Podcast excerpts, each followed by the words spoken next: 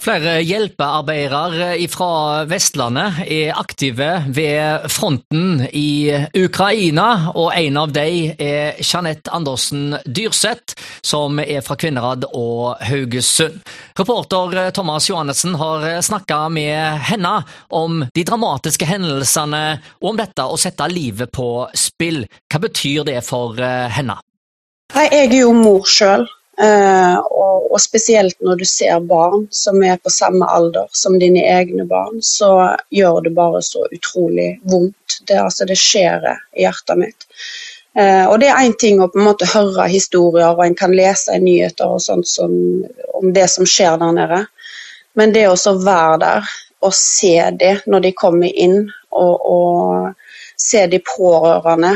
Eh, og du ser òg hvordan eh, til og med altså selvfølgelig eh, legene og kirurgene blir påvirka når det kommer inn så unge barn som er blitt utsatt for helt forferdelige ting. Det, det gjør noe med deg. Personlig så blir jeg fryktelig sint og fortvila og skuffa. Dette er en krig, men jeg tenker at hvordan en kan gjøre dette mot barn, uskyldige barn, det er, det er bare forferdelig vondt og vanskelig. Det er jo krig, som du sier, og den er jo i Europa nærmt oss. Vi har jo også Russland som eh, nabo. Eh, hva kan vi som nordmann gjøre for å hjelpe?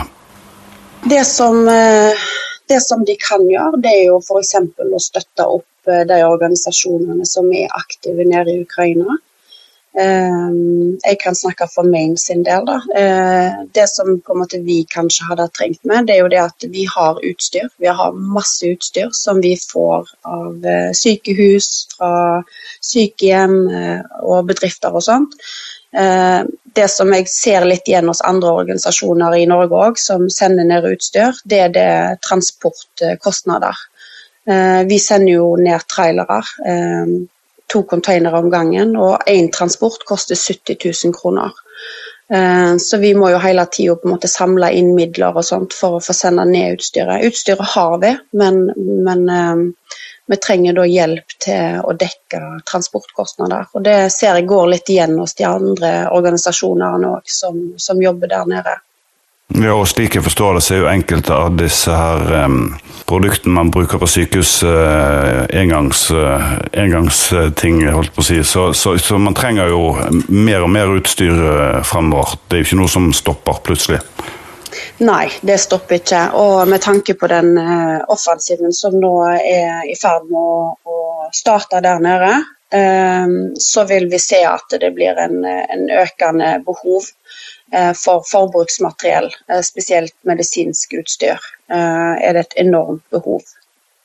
Hva kan folk som sitter hjemme hjelpe med? Det som folk hjemme, som sagt, de kan bidra til å støtte de organisasjonene som, som sender ned utstyr. Men de kan òg donere utstyr. Det kan være alt fra klær til leker til holdt jeg på å si, eh, førstehjelpsutstyr eh, og den type ting. Eh, det har vært litt sånn spørsmål hvorvidt de trenger klær og sånt i Ukraina. Og det kommer helt an på områdene vi snakker om. Men snakker vi om noen som jobber primært i østregionen, så kan jeg si at behovet for klær er, er veldig aktuelt der ennå. Alle kan være med og bidra, ikke minst med pengestøtte til organisasjonene som eh, jobber i eh, Ukraina. Det sier altså hjelpearbeider fra Haugesund og Kvinnherad, Jeanette Andersen Dyrseth, til reporter Thomas Johannessen.